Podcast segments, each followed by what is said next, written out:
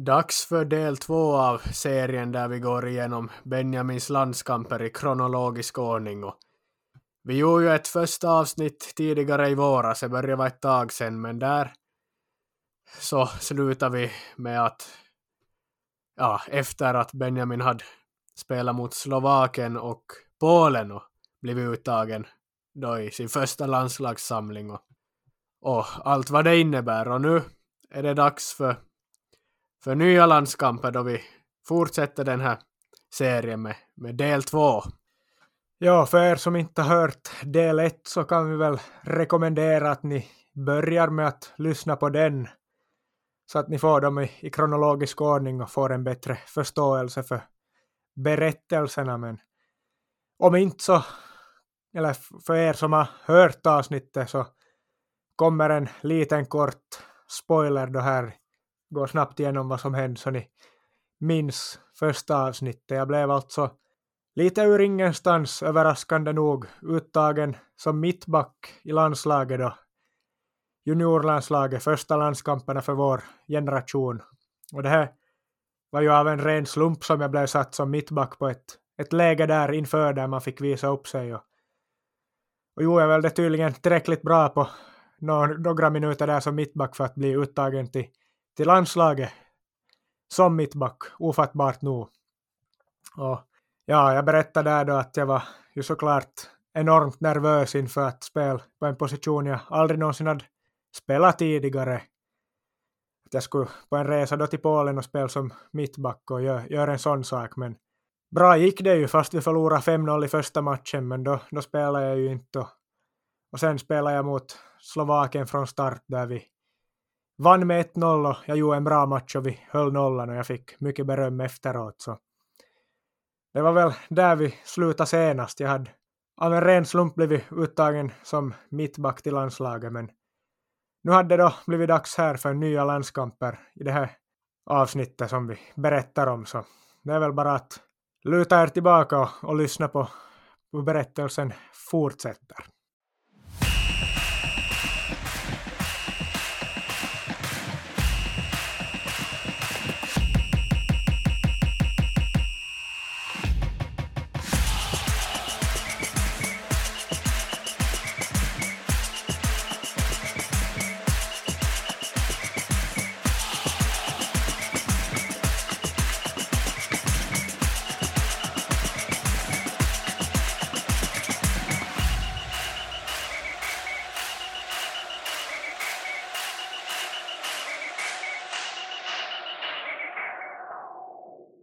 I första delen av den här serien där vi går igenom Benjamins landskamper så kom vi till april 2016 där han debuterade juniorlandslaget i, i Polen när de var med, med finska U-landslaget där. Men nu har det gått några månader till och vi är framme i, i sommaren 2016 och vi, vi fortsätter väl lite där vi, vi slutade förra gången bara några månader senare.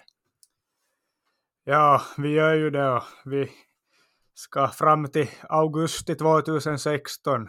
Skolorna har just dragit igång igen och sommarlovet har tagit slut.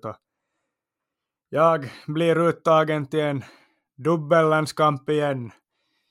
I Björneborg den här gången, på hemmaplan alltså i Finland. Och, eh, Sverige som ska stå för motståndet i två raka matcher då. Björneborg och Eura skulle de matcherna spelas. Och Ja, det hade ju gått bra för mig senast i Polen och vi hade här emellan på sommaren hade vi haft något sånt läger då där spelare får visa upp sig i Erikkele som de brukar vara. Det hade ju också gått bra och jag, ja ni som har hört på första avsnittet minns ju att jag var ju inte någon, hade ju aldrig spelat mittback här några månader tidigare men nu börjar jag ändå här så småningom lära mig lite och kom in i det och bli mer bekväm i den rollen och och ja, så det hade blivit dags att spela landskamper nu igen då mot Sverige som sagt. Jag minns jag var vid villan i Sundom och på väg ut på en fisketur när jag fick beskedet på e-posten att det skulle bli nya landskamper och att jag var uttagen den här gången också. Så kändes ju som ett kvitto på att man hade gjort något bra där senast och de senaste månaderna och förstås var det väl också ungefär vad man förväntade sig efter att ha gjort det så pass bra som jag ändå gjorde i, i Polen. Och här var det inte heller så att jag kände mig på det sättet och nervös likt jag gjorde där inför Polenresan då jag av ganska förklarliga skäl kanske kände en enorm nervositet som ni minns, ni som har lyssnat inför de matcherna då jag aldrig hade spelat mittback och mitt i allt blev uttagen som mittback i landslaget men snabbt gick det och bra gick det och, och sen här redan känner man sig inte nästan nå nervös alls mer än vad man kanske annars skulle göra i alla fall så kändes bara bra att få åka iväg till Björneborg på landslagssamling på nytt.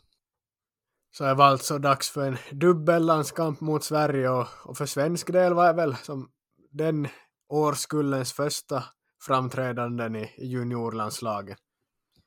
Ja, precis, och det är väl ganska vanligt att Sveriges första landskamper, eller bland de första landskamperna, ofta är dubbellandskamper mot Finland, så det var Sveriges då P15-landslag som de pratade där, och U16 pratar man väl om här i Finland då, inom Uefa och sådana internationella kretsar. Men ja, som sagt, vi höll till här i, i Björneborg då under de här dagarna. Det var väl ungefär, vad kan vi ha varit där än, jag minns inte exakt, men en fem, fyra, fem dagar kanske. Jag kom dit en dag tidigare jag än alla andra. Jag åkte med buss ner till Björneborg och, och så. Det var några nya ansikten i, i truppen här från senast som fick chansen att visa upp sig. Och, och igen, likt turneringen i Polen eller matcherna där så var det tänkt att speltiden skulle fördelas något sånär jämlikt så att alla skulle få chansen att visa upp sig från sin bästa sida. För ja, det är ju inte som att resultatet ändå är det viktigaste kanske här i den här matchen på det sättet, då man bara spelar två matcher här, det är ju ingen turnering eller EM-kval eller något sånt. Så. så så, men vi var nog där och tränade där och gick väl helt bra och jag känner att jag är hyfsat bra med i laget och mittback och inga konstigheter, men första matchen skulle spelas på stadion i Björneborg då, gräsplan och fin stor stadion där var väl uppemot tusen människor på plats tror jag den här matchen, första matchen mot Sverige. Jag började tyvärr den matchen på bänken så jag fick inte spel från start där då fick istället ställa in mig på att starta match nummer två då som spelades två dagar senare tror jag det var i, i Eura men vi kanske då snabbt spola förbi den här matchen eller i förbifarten. Vi kan ju inte stanna vid, vid varenda liten match här i minsta detalj då vi har några matcher att gå igenom här. Men som jag minns det så var väl matchen hyfsat jämn och bra gräsplan och fint, skönt duggregn. Sådär lite tidig höstkväll där då känsla och såklart bra tryck på läktarna och Sverige var väl lite halvt nervösa och så då det var första landskampen för dem men de kvitterade efter att vi hade gjort 1-0. I slutet av matchen får jag då till slut, som jag har väntat på, order att värma upp då och göra mig redo för inhopp. Och ja, vad kan det ha varit, en 10-15 minuter kvar då jag fick börja göra mig redo, men sen måste jag faktiskt stå vid, vid sidolinjen i, i säkert ja, flera minuter, uppemot en fem, sex minuter åtminstone tror jag, för spelet tog aldrig slut, det blev aldrig något avbrott så att man inte kunde göra något byte där då helt enkelt och jag började lite halvt känna mig stressad här då förstås och lite irriterad att tiden rinner iväg här. Hinner inte visa upp mig nu då inte jag får komma in på plan då, det tar så här länge. Jag hann väl gå nästan så att det var bara en kanske en fem minuter kvar av matchen då jag till slut blev inbytt efter att jag hade stått där ganska länge men jag kände ju att jag var riktigt sugen på att göra avtryck här och att spela mot Sverige var ju förstås lite speciellt och någonting som taggade till en lite extra. Normalt sett har man ju alltid följt med svenska landslaget vid sidan av det finska och ofta heja på svenska landslaget i mästerskap då inte Finland har varit med och så men här var det lite mer så att man försöker dra fram den här rivaliteten som finns i ishockeyn där man ju verkligen inte har hållit på svenska landslaget utan där har det nog bara varit lejonat och, och Finland som gäller. Så man försöker dra fram någon slags då kampvilja mot Sverige här då.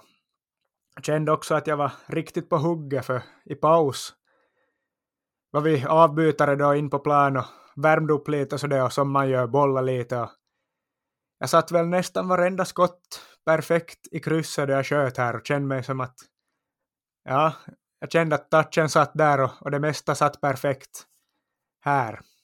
Och formen kändes bra så jag var riktigt sugen på att komma in då. Första jag gjorde var väl att sätta in en riktigt hård tackling. Jag blev faktiskt inbytt som mittfältare här fast jag var uttagen som mittback men ja, jag var ju som sagt i grunden en mittfältare som jag tidigare har berättat så fick några minuter på mittfältet och satt in en riktigt rejäl tackling där i början, rakt på boll, stenhård och kände att jag kom perfekt in i det och blev lite en och halvt bråk med svenska spelaren därefter och ja, det äggade väl bara igång mig ännu mer och ja, han ännu sen få bollen någon gång på mittplan och slå en, en ganska bra öppnande passning ut i kanten där vi skapade en farlighet. Vi slog väl ett inlägg då Sverige nickade bort bollen och bollen kommer ju då perfekt studsandes utanför straffområdet mot mig. Och jag då med den här känslan och självförtroende och elden inom mig i den här matchen känner jag att nu är det min chans. Och här såg jag ju verkligen rubrikerna. 1-1 i slutminuterna och en studsande boll kommer studsandes mot mig då. Perfekt läge utanför boxen och hur tror du det slutar? Ja, var det så att domaren blåste av? Nej, inte här ännu, utan jag drog iväg för Kungafosterland bollen och den flög ju upp, rakt upp i himlen, säkert 20-30 meter över mål och lika många meter förbi målet på sidan, så det var som total snedträff på volleyn som inte ens var nära att gå in. Men ja, det är väl ett klassiskt läge där man ser rubrikerna och drämmer till lite för hårt och blir för ivrig. Men innan matchen ännu var slut hann vi få en hörna. Och, och då just som du sa, då hann domaren blåsa av. Och jag var ju lite irriterad där, eller kände som så att sätter ni in bollen i boxen nu bara, så då gör jag mål. Då kommer jag vara där, åtminstone vinner jag nickduellen och då blir det farligt att jag kommer vara först på den här bollen.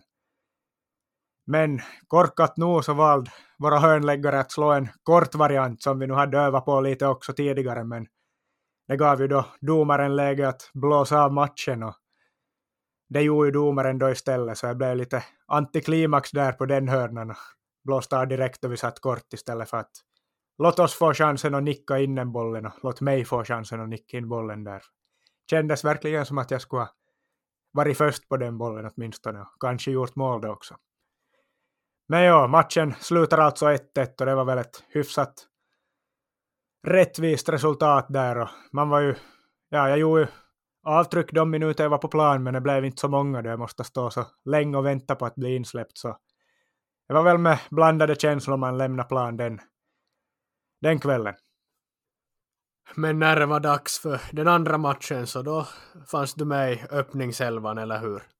Ja, när det stämmer. Några dagar senare, två dagar senare var det dags för ny match och den matchen spelades tyvärr inte på fina stora stadion i Björneborg utan det var istället på Euran Wembley som de kallade den. Och Eura är ju en liten skithåla om man är riktigt ärlig. Och arenan där höll ju inte samma klass som, som i Björneborg även om det var en sådär småtrevlig arena med en hyfsat fin läktare och gräsplan. Men planen var ju rejält vattensjuk här. Det hade regnat riktigt ösregna, hällregna där inför matchen och planen, ena sidan, halva sidan av planen där, ja långsidan, längs ena långsidan, där läktaren hade på något sätt täckt solen från, med skugga, hade sett till då att hela den sidan av planen var helt vattensjuk och helt lerig och bollen rörde sig knappt, alltså rullade knappt på den sidan.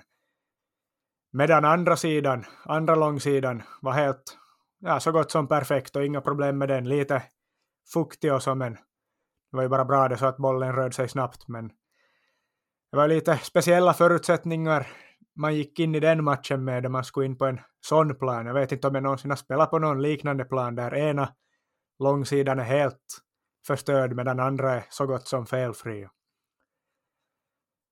Här var jag väl tänkt också att du skulle ha kommit och se matchen och det var väl samma med den här matchen tidigare i Björneborg. Ni var ju, ja resten av familjen var ju på plats men du hade väl drabbats av sjukdom så du kunde inte komma varken till Björneborg eller till Eura för att bevittna de här matcherna.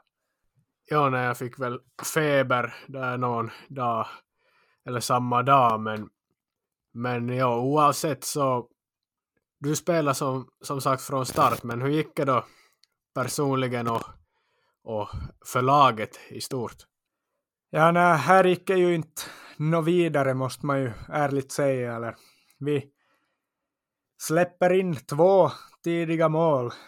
Sverige tar en 2-0-ledning inom första kvarten och vårt spel fungerar väl inte riktigt alls och Sverige var riktigt bra och ska säga så jag själv kände inte att jag gjorde någon riktigt bra insats här heller. Inte var jag väl skyldig till målen riktigt, men jag kände ändå att jag inte som kom in i matchen på något bra sätt och jag blev lite, lite darrig och sån starten där och det var väl liknande för hela laget egentligen.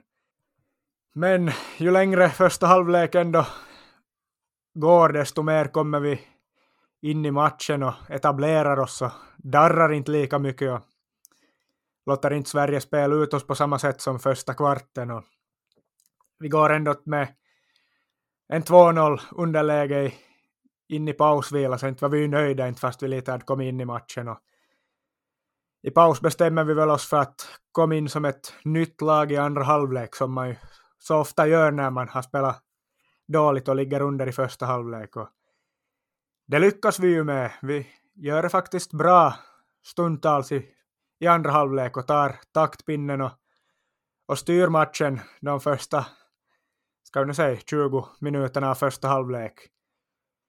Då är det vi som styr spelet, men vi lyckas ändå inte kanske skapa någon riktigt farlig målchans, men ändå att vi kontrollerar spelet och känner att vi kommer bra in i matchen.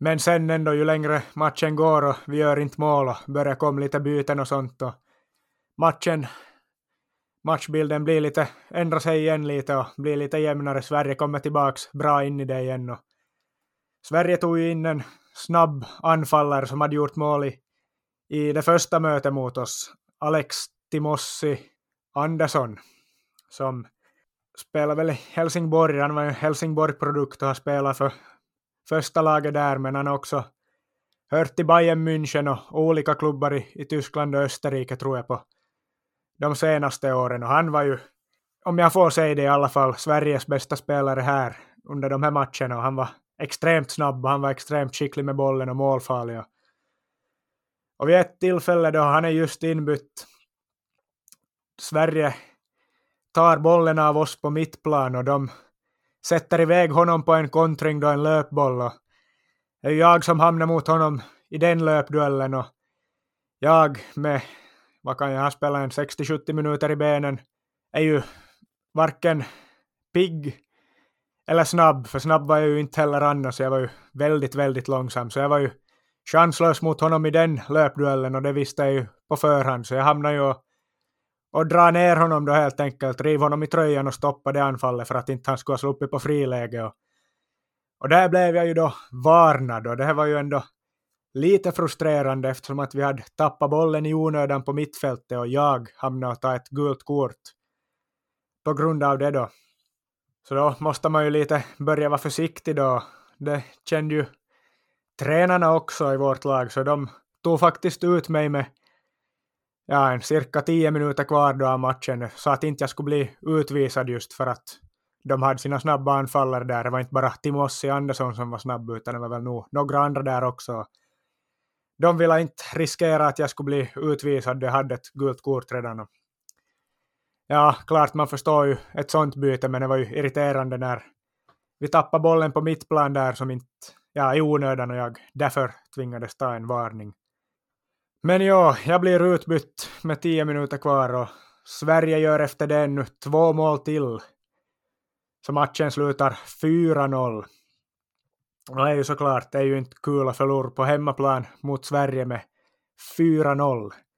Och som mittback att släppa in fyra mål, även om jag bara var på plan under två av målen, så var jag långt ifrån nöjd här, även om det nog inte var någon katastrof, men jag var inte alls nöjd över min insats ändå inte. Och frustrerad samtidigt att jag hade hamnat och tagit det gula kortet så att jag inte fick göra hela matchen då.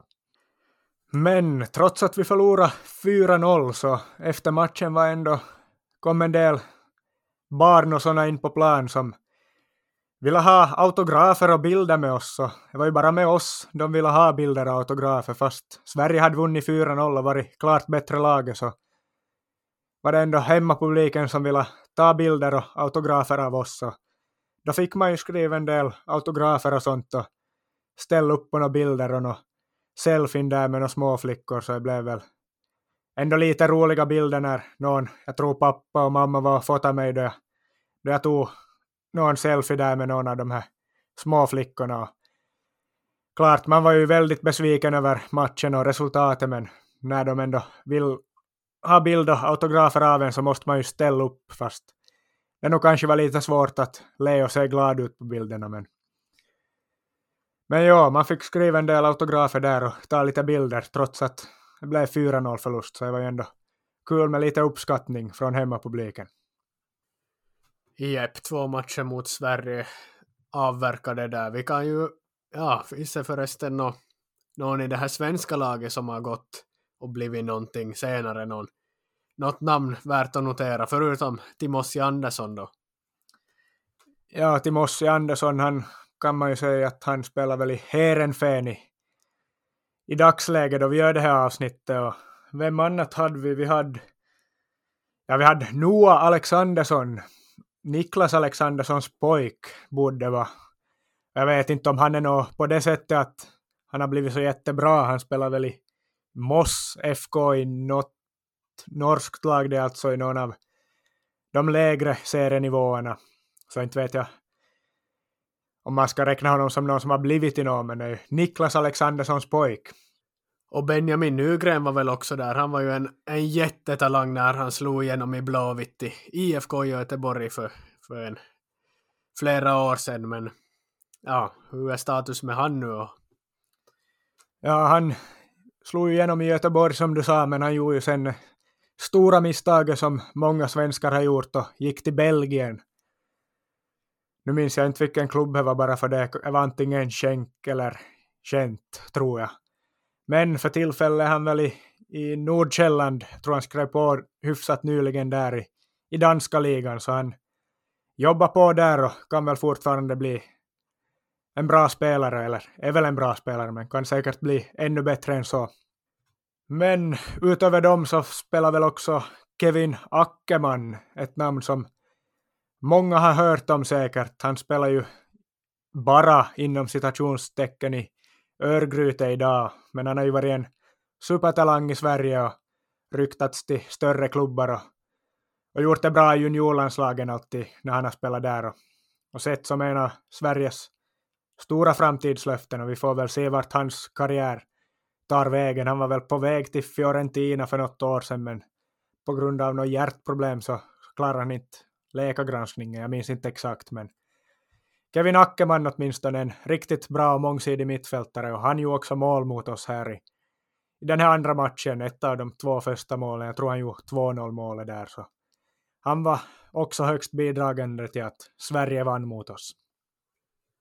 Ja, dubbellandskamper mot Sverige i bagage och då hade du väl gjort fyra juniorlandskamper totalt men det skulle väl dröja ett tag innan det var dags för nästa landskamp för din del. Det har du helt rätt i faktiskt, ja. Jag skulle ta ja, nästan exakt ett år tills jag på nytt skulle få dra på mig landslagströjan och det var man ju förstås helt ovetande som här, även om man kände att man inte var nöjd med hur landskamperna mot Sverige gick så hade man kanske ändå inte tänkt sig att det skulle ta ett helt år innan man spelar för landslaget på nytt. Då det ändå, jag hade ju ändå gjort det bra tidigare. Men det var dags för nästa landslagssamling i Nordirland, eller på Nordirland, bara några veckor senare efter det här. Dit blev jag bara uttagen som reserv. Vilket såklart var en besvikelse, men man hade väl ändå en liten förståelse för det i och med att jag inte jo, ja, jag gjorde inte det tillräckligt bra mot Sverige i matcherna där och var inte tillräckligt bra för att hålla konkurrensen bakom mig då. Då var det väl skäl att ta in lite nya mittbackar att få testa på spel i landslagströjan. Så i Nordirland några veckor senare, dit var jag bara reserv och slapp inte med dit. Och, och det kom ju sen att bli ett återgående tema det här reservplatser till landslagstrupperna. Vi hade här under hösten hade vi några, två tror jag, landslagsläger till eller sådana uppvisningsläger då för landslaget och ja, de gick väl inte heller helt, helt perfekt för min del. Klart fanns väl både bra och och mindre bra inslag i de lägren, men jag var inte all riktigt helt nöjd över dem heller. Och när vi sen går in i vintern 2017 hade vi nästa landslagssamling framför oss och det var ju någonting man verkligen skulle ha velat vara med på och hade sett fram emot. Och det var en turnering i, i England där England själva skulle vara med, Italien skulle vara med, Spanien skulle vara med och så då lilla Finland skulle få vara med. Och såklart, man drömde ju om att få vara med och spela mot de här storlagen och skulle väldigt, väldigt gärna ha blivit uttagen i den truppen, men så blev det ju inte. Jag blev igen uttagen bara på reservlistan och fast man nu hoppades att någon skulle falla bort så blev det ju inte så. Jag missade den här resan tyvärr så man fick inte spela mot de stornationerna och, och det sved ju faktiskt. Och sen ju längre året 2017 fortsätter så kommer det ju mera landslagssamlingar. De var ett varv till Serbien åtminstone och hade någon turnering på Island. Jag var väl, tror jag, också reserv till, till båda de här lägren eller samlingarna, men fick inte platsen och ingen blev heller sjuk eller skadad eller något så att det skulle öppna upp sig en plats här. Så, så det var bara att gnugga på då i, i Vasa IFK. Där fick jag under sommaren börja träna med herrlaget kontinuerligt och jobba på bra där då, men inte fick man ändå chansen i landslagstrupperna. Det var ett läger här på sommaren också där man hade chansen att visa upp sig och där gick det ganska bra faktiskt. Så, så då väcktes lite hoppen om en landslagsplats. Jag fick mycket beröm av, av tränarna där också som var och kollade. Och det var just innan den här turneringen på Island. Så då hoppades man ju att man skulle få ta sig med där i den truppen, men så blev det inte. Men då blev det till och med så att det var väl en två, tre spelare som föll bort där från den där turneringen som var uttagna. Och då hade man ju såklart hoppats att man skulle stå högt i kurs på reservlistan åtminstone, men istället blev en två, tre andra spelare från listan inkallade. Så här kändes det ändå som att man var ganska långt bort från en landslagsplats. Men även om du kanske trodde att det såg mörkt ut så skulle det komma en, en ny chans någon månad senare i i slutet av sommaren, början av hösten någon gång där, 2017. Ja, ungefär vid ganska precis samma tidpunkt som året innan då i dubbellandskamperna mot Sverige så var det så att det var en turnering i Österrike, Toto Cup kallades väl den och där skulle landslaget då ta sig an Österrike, hemmanationen, Schweiz och Tjeckien i en turnering som fungerar som förberedelse då ungefär till EM-kvalet som skulle dra igång sen en månad senare än det. Och, och då det började vara EM-kval då började det ju bli allvar på, på grejerna. Det här såg man ju då som en förberedelse helt enkelt inför, inför de matcherna där såklart börja spela som riktigt viktiga resultat då, att ta sig vidare och där bästa laget skulle spela helt enkelt. Och hit till Österrike var jag återigen bara på reservlistan och inte trodde jag ju att jag skulle bli inkallad här heller, men sen då en, en fredag var jag hem från skolan faktiskt. Jag var sjuk, hade väl feber. Då ett okänt nummer ringde till mig och jag brukar inte förr av någon, jag vet inte, jag brukar inte svara på okända nummer, men det var nog som att någonting inom mig sa att, att svar på det här numret nu, att det, det är av någon anledning viktigt det här numret. Och det visar ju sig att jag ju rätt i att svara i telefon den gången. Det var Erkka V. Lehtola som hade blivit Ja, han hade ju tagit över landslaget, junior vårålders landslag då under det här året. Och det var han i telefonen som berättade att det har fallit bort en spelare ur landslagstruppen, Malik Tiav, som spelar i Schalke idag faktiskt och spelar i Schalke då ännu. Han har väl både tyskt och finskt medborgarskap och man vet väl inte ännu om han kommer spela för Finland eller för Tyskland, men här var det tänkt att han skulle vara med i, i U17 landslagstruppen då för Finland. Och, Och så blev det ju ändå inte, för han hade blivit, jag tror han hade blivit skadad. Så då hade det öppnat upp sig en plats då, en mittbacksplats i truppen. Och då erbjöd sig ju den platsen jag då från reservlistan och fast jag nu var sjuk så tackade jag ja. Avfärd på måndag sa han. Det var fredag och jag ligger väl i feber hemma men tänkte väl att det här är ju en chans som man inte ändå kan tacka nej till fast man skulle vara sjuk så är det nog bara att ta sitt pick och pack och, och resa iväg till Österrike på måndag. Och det var ju såklart kul att få fara iväg med landslaget då igen efter ett års paus och hade ju många kompisar där med på resan och svenskspråkiga som Jere Sträng hade letat sig in i landslaget under det här året och samma med Axel Widjeskog från Jakobstad, Jaro på den tiden och eller från Tärjärv som han kommer egentligen och så förstås också Noah Nurmi som jag hade bekantat mig tidigare med och blivit bra kompis med från tidigare landslagssamling så man såg ju fram emot den här möjligheten som öppnade sig här. Många roliga kompisar på resan och lite då också en känsla av att jag inte hade något att förlora egentligen. Jag kom dit som reserv. Egentligen skulle jag inte ha varit med. Egentligen var jag inte tillräckligt bra för att vara med, men nu får jag ändå komma med så där är det väl lika bra att bara göra det bästa av situationen och försöka visa upp sig från sin bästa sida. Och väl ingenting att förlora egentligen man kanske har någon press på sig som reserv inte. Ja, och då flyger ni till München i södra Tyskland innan ni därifrån åker buss till Österrike. Men var, var i Österrike är det här? Var ska den här turneringen spelas och vad är det för miljö och omgivning? Ja, det spelades alltså i, i nord, ja, norra delen av landet i Österrike, ganska långt, ja, hyfsat nära gränsen till Tyskland, men vi bodde nu på ett hotell, ganska bra hotell faktiskt, i, i Siljan hette den lilla platsen, det var inte någon storstad, verkligen inte, det var en liten plats och vi bodde ganska långt ut på landsbygden i någon form av sport och idrottshotell där.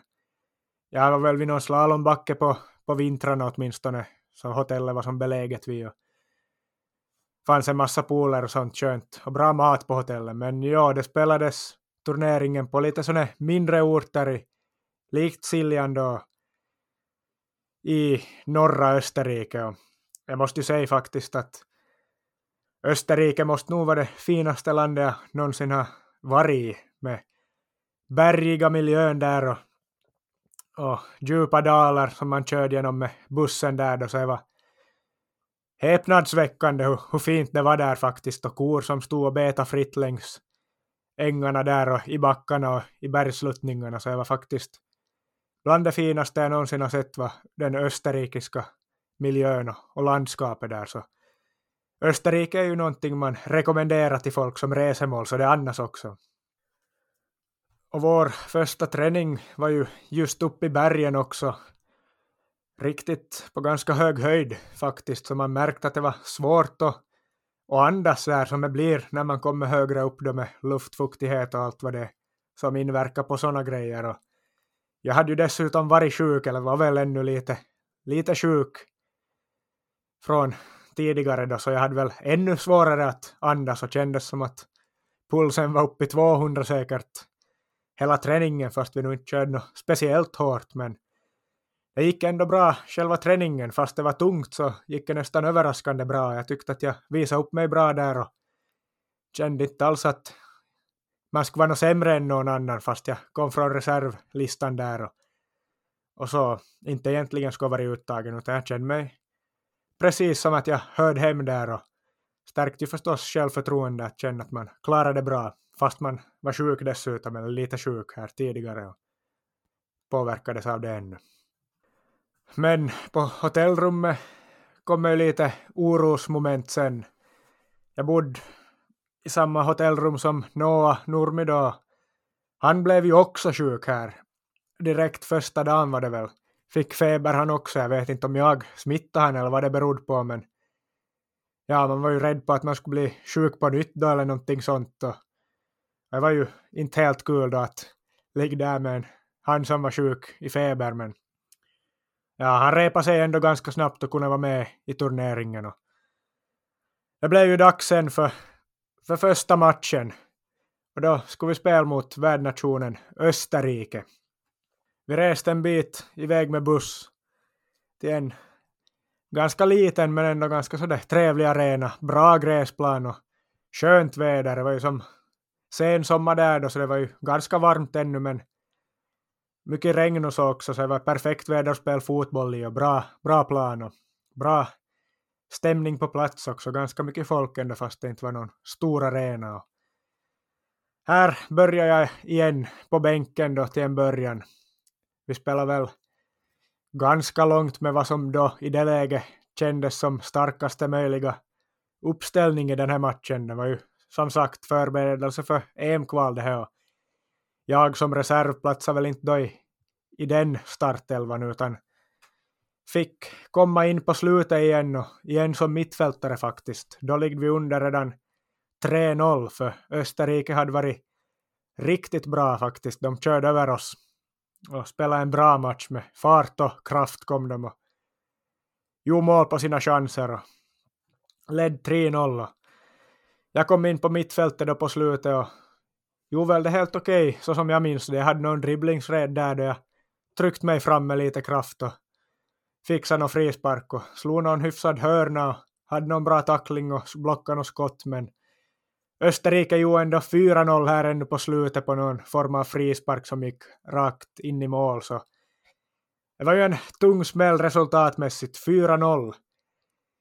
Vi hade ändå stundtals kanske haft bra perioder i matchen, men Österrike var nog det klart bättre laget. 4-0 var nog inte ett kul resultat att inleda den turneringen med. Även om jag själv ändå var hyfsat nöjd med mitt inhopp där Jo, ganska bra intryck på de få minuter jag hann spela. Jag misslyckades åtminstone inte med några no, många aktioner där och slog några bra passningar och tackla och, och finta och lite sånt. Men 4-0, inte någon kul start på turneringen. Och i andra matchen mot Schweiz så skulle jag väl inte heller gå allt för bra. Nej, värre skulle det ju bli tyvärr. Och då var det jag som fick chansen från start. Det var väl två dagar efter matchen mot Österrike det här. Vi reste lite längre till den här matchen. Kanske en timmes bussfärd eller något sånt. Till Lienz, som orten hette, Dolomitenstadion hett arenan eller sportkomplexet där. Det var väl lite olika men vi spelade på någon form av arena där nu. Helt bra plats och bra arena igen och hade regnat rejält, regnade väl också under matchen. Och jag fick ju då chansen från start i den här matchen och det fick också ja, de flesta som inte spelade från start i förra matchen, så det var väl ett något svagare då lag om man ser till, till startelvorna i jämförelse med Österrike-matchen och Schweiz-matchen. Jag bildade ändå mittbackspar med Noah som hade missat matchen då, första matchen då han var sjuk som sagt. Och kändes ju ändå tryggt eftersom att vi hade spelat bra förr som mittbackar och kände varandra och var bra kompisar och kunna kommunicera på svenska med varandra så det kändes ju tryggt och säkert och inledningsvis gick matchen överraskande bra nästan. Det kändes överraskande lätt alltså. Kändes som att inte tempo alls var som så högt som man hade förväntat sig och att man kunde och som att jag hade tid att ta emot bollen och kunna göra bra saker med den när jag väl hade den. Och också försvarsmässigt kände jag att jag hängde med väldigt bra. Inga problem med, med någonting alls nästan. Tills helvete då så småningom brakade lös fullständigt och Schweiz får några chanser. De gör tre mål. Jag minns inte riktigt vad de här målen kom på. Det var väl nog några individuella misstag av oss som gav dem lägen att kontra och något mål hade de nog tur med studsarna och sånt och det kändes lite som att allting gick deras väg här då. 3-0 står det helt plötsligt innan första halvlek är slut och vår tränare plockar ju till och med av någon spelare här nästan 10-15 minuter innan paus och signalerar att nu är det inte ja, nu ser det inte ut som det ska göra här och nu får vi skärpa oss. Så. I paus fick vi ju en riktigt jävla ordentlig holmgång till utskällning av Lehtola då som var tränare. Och påpeka att det är ju Finland vi representerar, det kan inte se ut så här. Vi skämmer ju ut oss och landet och oss själva. Och nu, nu spelar vi väldigt, väldigt dåligt och så här kan det inte se ut i andra halvlek. Och RKV Lehtola kanske flera av er känner till, eller om ni skulle se en bild på honom så har ni säkert sett honom tidigare, för han har ju suttit i Yles studior som expert, eller som ja, studiomedlem i flera omgångar genom åren, så många känner nog igen honom. Ja, brukar vara expert, expertkommentator och sånt också, men annars är han ju verksam inom juniorlandslagen i, i bollförbundet och en tränare som jag tyckte att var riktigt bra, har inget dåligt att säga om honom egentligen. Han hade ju helt rätt här då han gav oss en utskällning. Vi förtjänar en utskällning så dåliga som vi var där i, i första halvlek och med 3-0 underläge.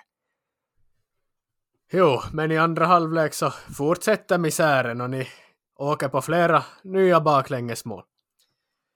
Ja, helvetet bara fortsätter. Mardrömmen tar inte slut utan Schweiz kliver in på samma sätt som de gjorde mot slutet av första halvlek då bara ångar på.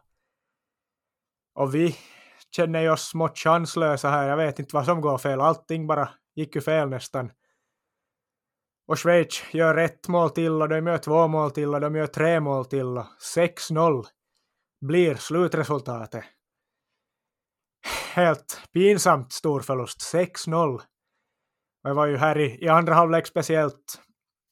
Jag vet inte vad som gick fel och vad, vad som hände med vårt lag men det var nog alltid, nästan varje mål kom väl på sådana lägen och det skulle kunna komma flera mål till på det sättet att vi spelade upp bollen från backlinjen och hade ytterbackarna ganska högt upp, tappade bollen någonstans vid mittfältet då.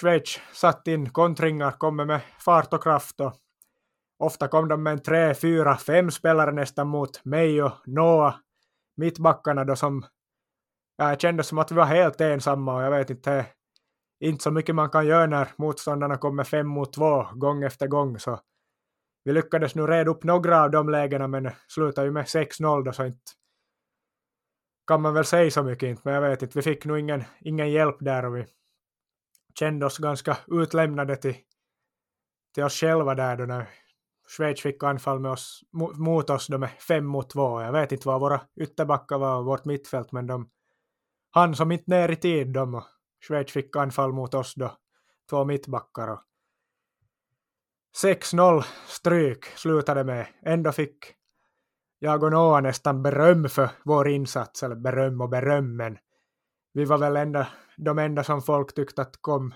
undan med någon slags heder i behåll. För hur vi skötte och försöka ändå, ja, vi, vi hade kunde liksom inte göra någonting egentligen. Fem mot två, fyra mot två anfall. Vad, vad ska man göra som mittback när det händer gång efter gång? Så folk tyckte ändå att vi som mittbackar var de bästa spelarna i vårt lag på plan. Och det säger ju en del om man har förlorat med 6-0.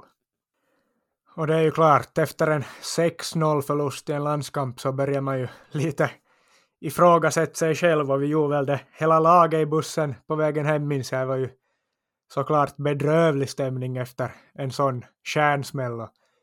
Folk ifrågasatte väl hela ens liv som fotbollsspelare. Jag minns vi var några som funderade att vi har spelat fotboll hela livet och vi ska vara det bästa Finland har att komma med i vår ålder. Och vi tror att vi är bra vi också, då vi är det bästa vi har i, i vår ålder, men ändå förlorar vi 6-0 mot jämnåriga från ett litet land som Schweiz, som visserligen är ett bättre fotbollsland än Finland förstås, men inte ska det ju vara 6-0 skillnad.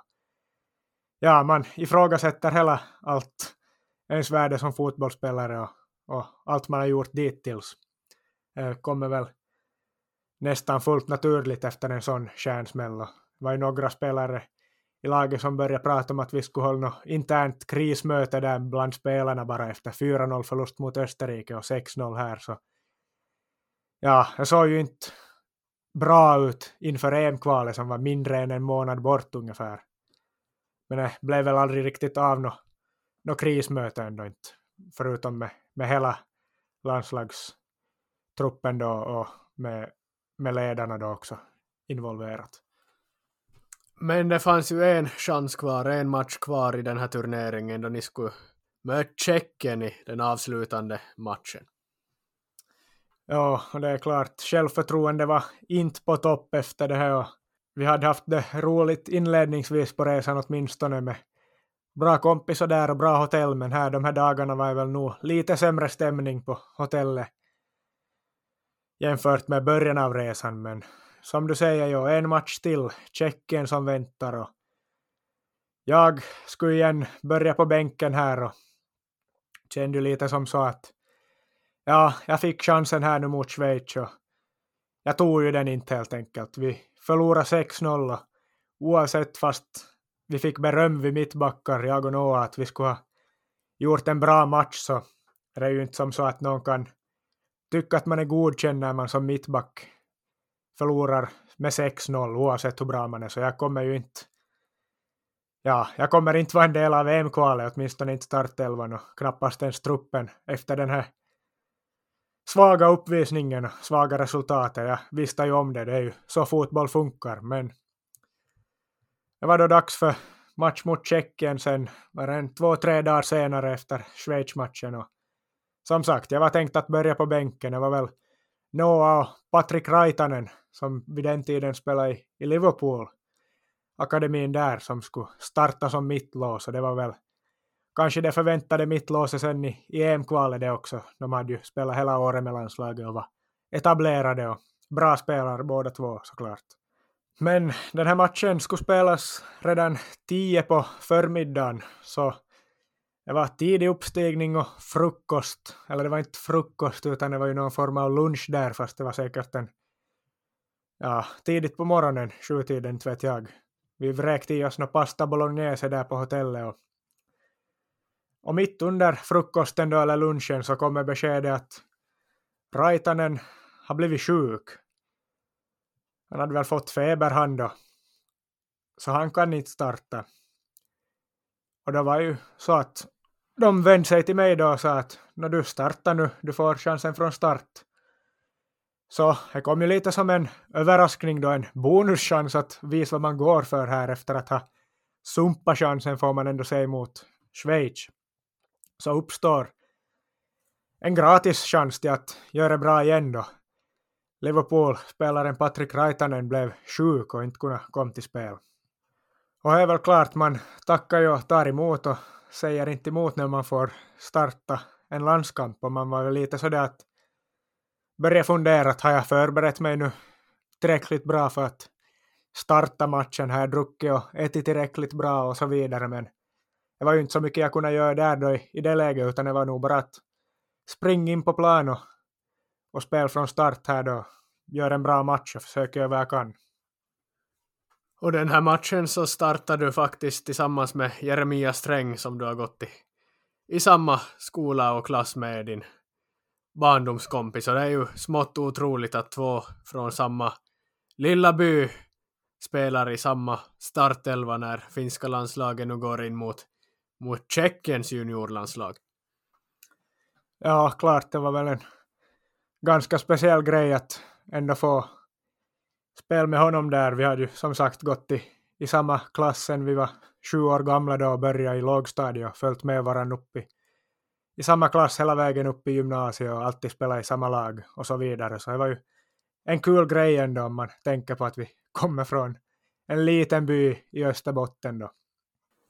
Men ja, matchen drar igång och, och den spelades ju på Tauernstadion i Matrei som var också en helt fin arena med bergen i bakgrunden som gjorde att det var ett fint ställe att spela fotboll på helt enkelt. Och Planen var här också riktigt bra, helt fin arena, men kanske nog inte jättemycket folk på plats. Det var Finland mot Tjeckien och ja, de lagen som har kommit längst ifrån till Österrike och, och så, som skulle spela den matchen. Det var ju som ja, inte kanske det som lockade mest publik, men det var nog några finländare där på plats åtminstone och någon tjeckisk och lite lokalbefolkning. Och inledningsvis svajade jag väl lite, lite halvsvajig inledning på matchen för min del. Jag kom lite så det halvt fel in i någon situation och kände mig lite som att osäker osäkerhet som började spridas i mig där de första minuterna. Någon passning som tror jag gick lite fel och så, men klara mig ändå utan större bakslag och ta mig så småningom in i matchen lite mer och mer, men ja, i mitten av halvleken någon gång tar jag en riktigt rejält ful satsning på mitt plan. Resulterar i, i gult kort. Jag kom riktigt sent in i, i satsningen och borrade mina järndobbar in i, i foten på tjeckiska spelaren som jag tror till och med att han tvingades bli utbytt av eftersom att han blev skadad av, av den smällen. Och det var ju såklart inte vad jag försöka utan jag kom ju bara helt fel in i, i duellen men det var kanske nästan tur att det bara blev gult kort där. Och jag minns att när jag kollade på här, den här matchen så den här tjeckiska spelaren, nu har jag inte namnet men han hade blivit värvad till Juventus juniorlag av Pavel Nedved, alltså landsmannen, den tjeckiska legendaren som jobbar för, för Juventus på en hög post där. Han hade väl värvat den här spelaren till, till Juventus juniorer, även om han inte senare skulle bli någon stjärna så var i alla fall häftigt att det var en spelare som, som hade värvats av Nedved. För de här matcherna gick ju att se på Youtube och, och jag såg ju alla de här matcherna och det var ju som du sa, fin arena med berg i bakgrunden och sånt. Men ja, du blev varnad. Ja. Ja, det var kanske bara bra att man lyckades få honom av plan då om han ändå var så pass skicklig att Pavel Nedved hade velat värva honom till Juventus. Och...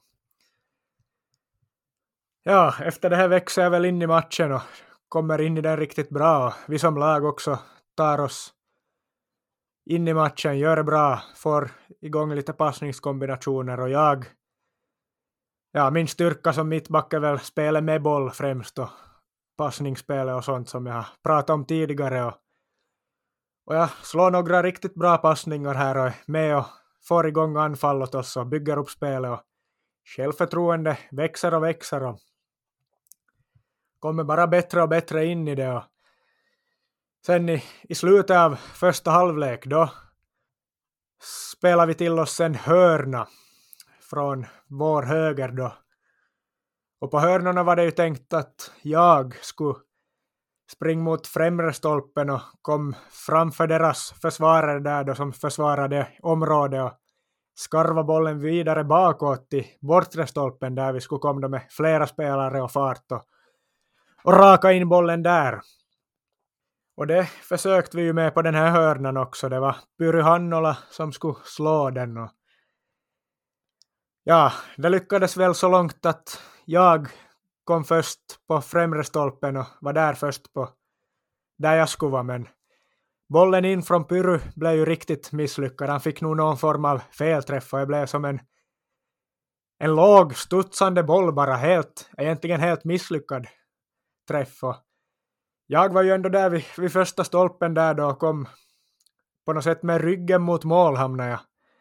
Och hade motståndaren i ryggen som jag då höll på höll undan och ja, ryggen nästan helt vänt mot mål så jag stod med felvänd. Men på något sätt, bollen kommer mellan mig och straffpunkten då jag på något sätt försöker vrida den bakåt, bara skarva, toucha den vidare in mot mål då. Det var väl enda jag kunde göra på den situationen och med högerfoten då förläng bollen in vidare mot mål.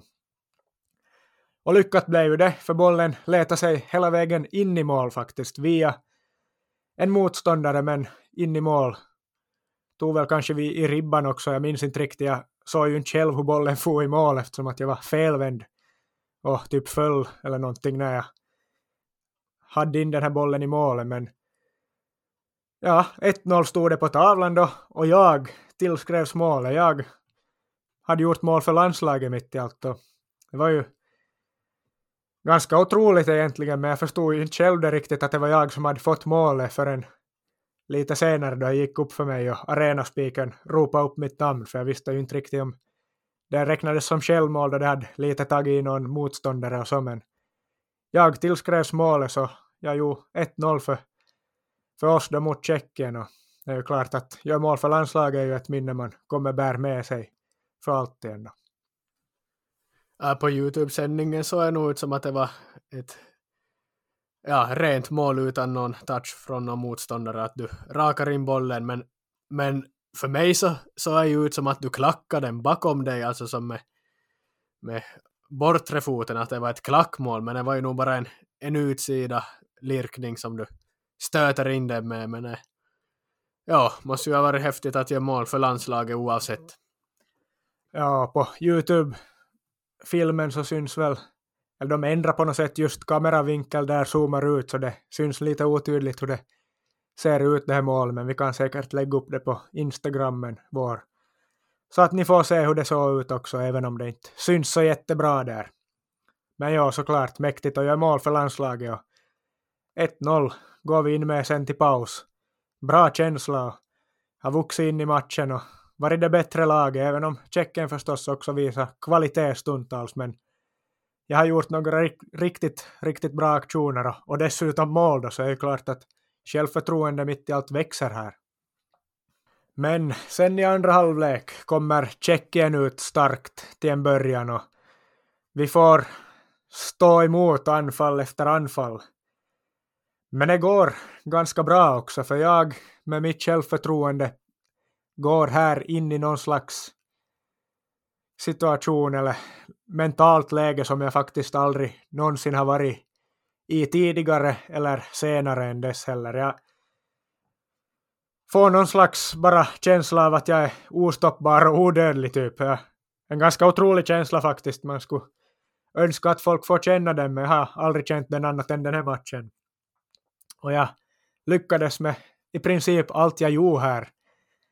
Jag stod emot, vann dueller, vann springdueller till och med som jag sällan gjorde tackla och blocka skott och slå passningar rätt och, och allting. Alltså jag var en känsla av att vad jag än gör lyckas jag med här att Tjeckien kan försöka bäst de vill och jag kommer blocka alla deras skott och jag kommer vara först på varenda inlägg och jag kommer göra allting rätt här.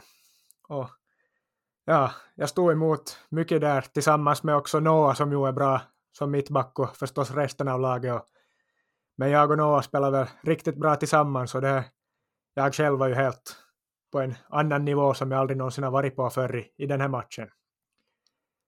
Men ändå gör Tjeckien tyvärr 1-1 i andra delen av halvleken då. Ett långskott faktiskt som, ja, det gick väl inte att göra så mycket åt den saken. Det var ett bra långskott i, i hörnet som var otagbart för målvakten och han väl inte dit och blockade heller, varken jag eller Noah eller någon annan. Så det var väl inte så mycket att säga om den saken. Och tyvärr förstås besvikelse att vi inte höll nollan och 1-1 på tavlan och det var ju sen också vad matchen slutade men jag själv fick, kunde ju inte annat ändå än att vara nöjd efter den här insatsen.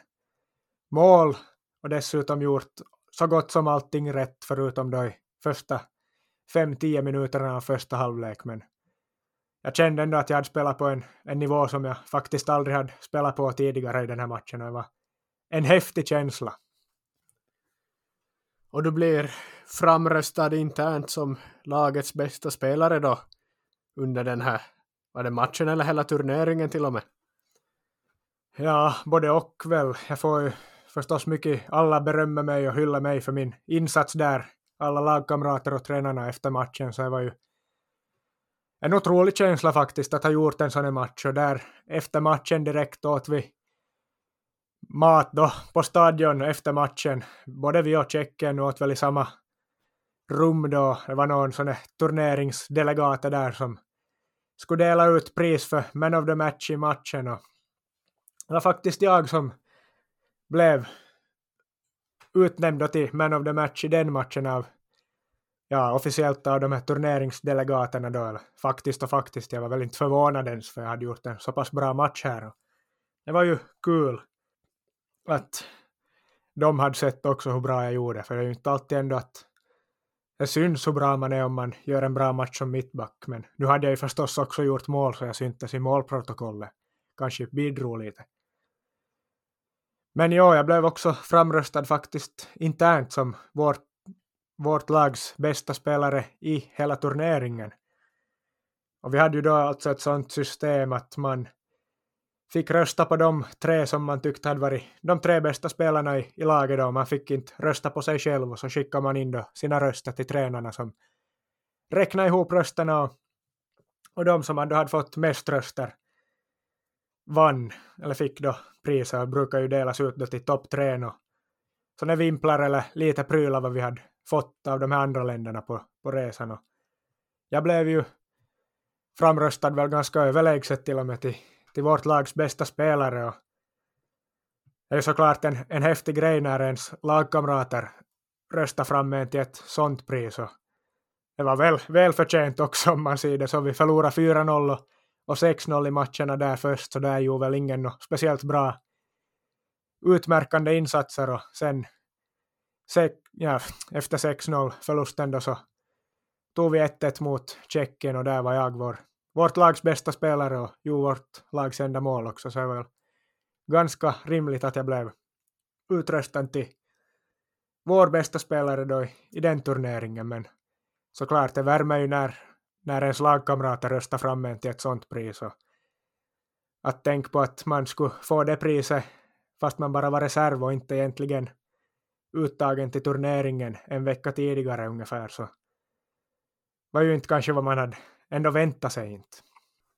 Toto Cup i Österrike slutade med personlig succé även om laget, finska landslaget inte gick lika bra men hur såg det ut bland motståndarna Österrike, Schweiz och Tjeckien? Fanns det några spelare där som har tagit kliv och är stora spelare i dagsläget eller har de likt många andra blivit anonyma medelspelare i lägre ligor eller hur ser det ut? Har du tagit reda på några fakta om de här spelarna?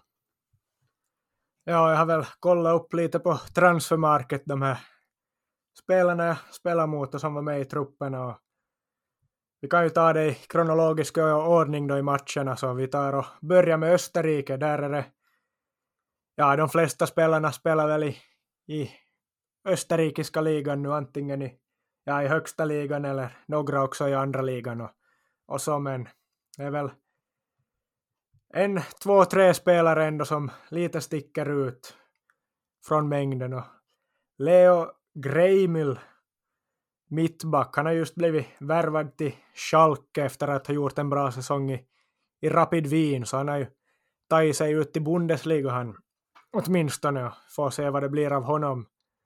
Men sen har vi väl två som står ut lite mer också ännu och det ja, den första är väl Flavius Daniljuk. Lite speciellt namn, men han är också mittback och han tillhör Nice i Frankrike där han har spelat nu i två säsonger tror jag blivit så gott som ordinarie tror jag. Och det pratas mycket om honom som en av franska ligans bästa unga lovande försvarsspelare. Och ja, han har tillhört både Real Madrid och Bayern Münchens akademi har jag sett men tog sedan steget ut till Nice för seniorfotboll då i, i Ligue 1, franska ligan och gått bra där. Och han har ju också varit kapten för U21-landslaget Österrikes och dessutom också haft en del ögon på sig från Premier League-klubbar och andra stora klubbar som Napoli och Lazio åtminstone såg jag lite rykten om när jag googlade honom. Och om han har spelat mittback i Nice kanske han har gjort det tillsammans med Dante då från Brasilien, eller Dante som man kanske uttalar det för hemma i Brasilien, men det borde väl vara så, han är väl kvar där i, i Nice. Ja, så borde det väl vara åtminstone var han ju där förra säsongen. Så om inte han nu har lämnat nu, men han borde ju ha gjort någon match, om inte flera då tillsammans med Danch. Men sen har vi väl också en till då som står ut och det är Nicolas Seifald.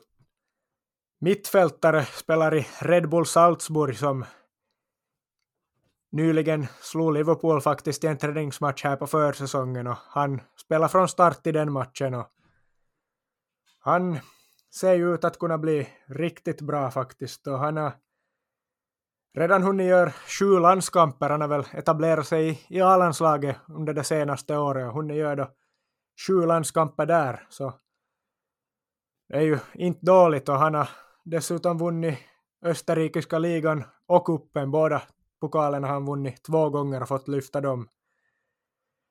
Så han har varit en viktig del av, av Red Bull Salzburg som ju gjorde ganska bra i Champions League också den här säsongen, som ja, föregående säsongen och varit en nyckelspelare där. Och, ja, enligt transfermarket är han värd till och med 20 miljoner och det är ju en hyfsat stor summa, men den brukar ju kunna bli ännu större när de sen väl köps därifrån. Men han har ju också haft ögonen på sig från flera storklubbar så jag.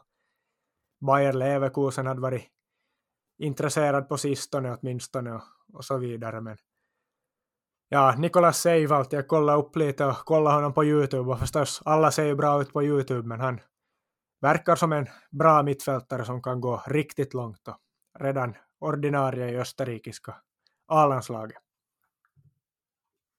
Och sen då i Schweiz, vem hade vi mot oss där? No, det var nog inte kanske någon som riktigt har stickt ut här i, under seniorkarriären hittills. Alltså många spelar, i, eller spelar nu i schweiziska ligan eller andra ligan eller, eller dylikt. Så på bra seniornivå i Schweiz de flesta och några också i, i U21-landslaget. Men en som stod ut redan då och sen senare också då kom att möta Schweiz en gång till i, som kommer berättas om lite senare i någon sån här avsnitt så det var ju deras kapten Julian von Moos som var anfallare och han var väl ganska långt vad man söker i en anfallare. Han var både snabb och fysiskt stark och, och bra med boll och, och mycket skicklig på att utmana och på att göra mål. Och han är nu en U21-landslagsman han nu också, spelar i St. Gallen tror jag han gick till just. Han tillhörde länge FC Basel och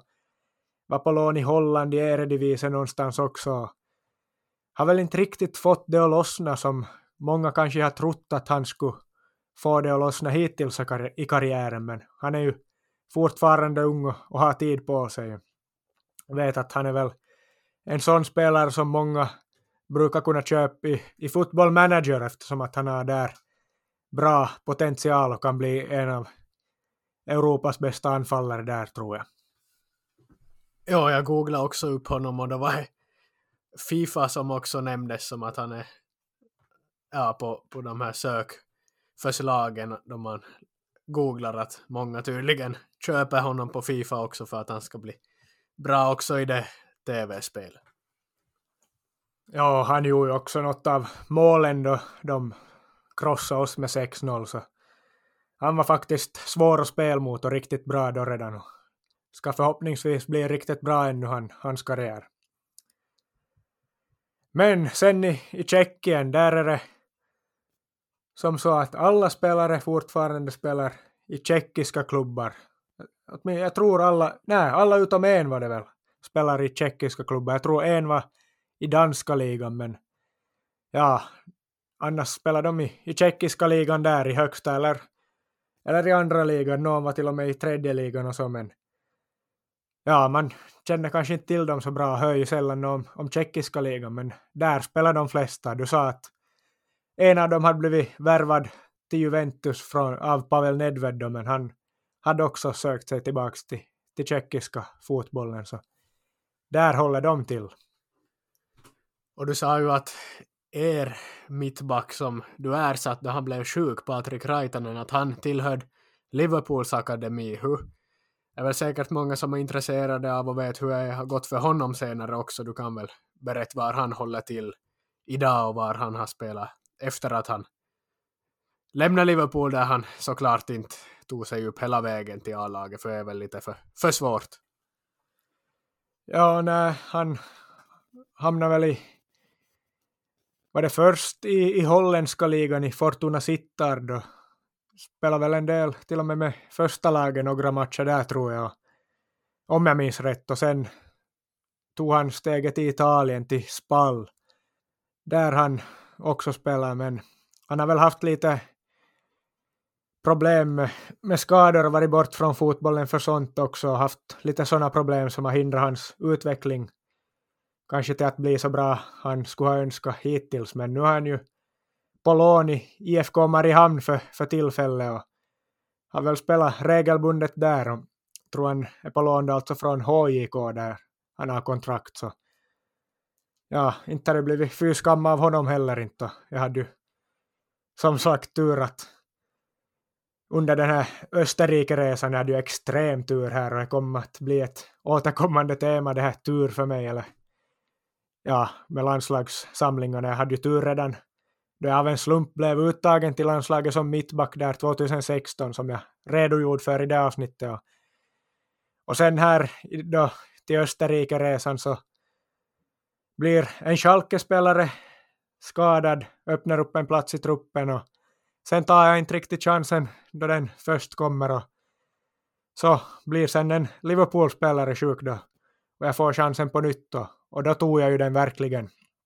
Så jag hade ju verkligen tur med att chanser öppnade upp sig. Jag var ju spelare från stora klubbar som föll bort och öppnade upp chansen från mig, för mig då från lilla Vasa IFK. Den chansen tog jag väl ändå och förvalta rätt så väl när den sen väl uppstod. Och i det här skedet har du nu gjort sju stycken juniorlandskamper och till näst blir det att prata om EM-kvalet som stundar några veckor senare men det blir i, i nästa avsnitt av den här serien om dina landskamper. Ja, vi kan ju avslöja redan nu som du säger att jag blev uttagen i den truppen efter succén då mot Tjeckien och ja, innan vi avslutar ännu så måste jag bara säga som så att den här matchen mot Tjeckien, det, det är den bästa matchen jag själv någonsin har gjort. Individuellt, spelmässigt. Och det är ju en match när jag ser tillbaka på min karriär på någon slags toppnivå så är det väl där, där jag var som allra bäst i en enskild match individuellt. Sen har jag andra matcher då det har gått bra för laget och vi har lyckats ta bra resultat där men den här matchen mot Tjeckien, att göra mål och, och spela på den nivå jag, jag faktiskt gjorde i den matchen är någonting man tar med sig ner i graven faktiskt som den bästa matchen jag någonsin gjorde. Ja, den bästa matchen jag någonsin kommer göra det också på, på en sån nivå. Ja. Då var man ju glad att man fick ja, lite recognition för det här och blev utsedd till både man of the match och fick en stor pokal sen också faktiskt när jag blev utsedd till till lagets bästa spelare i turneringen. Och annars fick vi väl lite såna vimplar och prylar från österrikiska och schweiziska och tjeckiska förbunden som vi kanske kan leta upp lite och lägga ut några bilder på, på Instagram på. Så det var ju kul att man fick några sådana minnen att ta med sig från den här resan. Det var del två i, i avsnittsserien om Benjamins landskamper och jag skulle följa ännu mera landskamper och de kommer vi att prata om i, i nya delar av den här serien. Så håll ögonen öppna när nästa del tre kommer ut om Benjamins landskamper.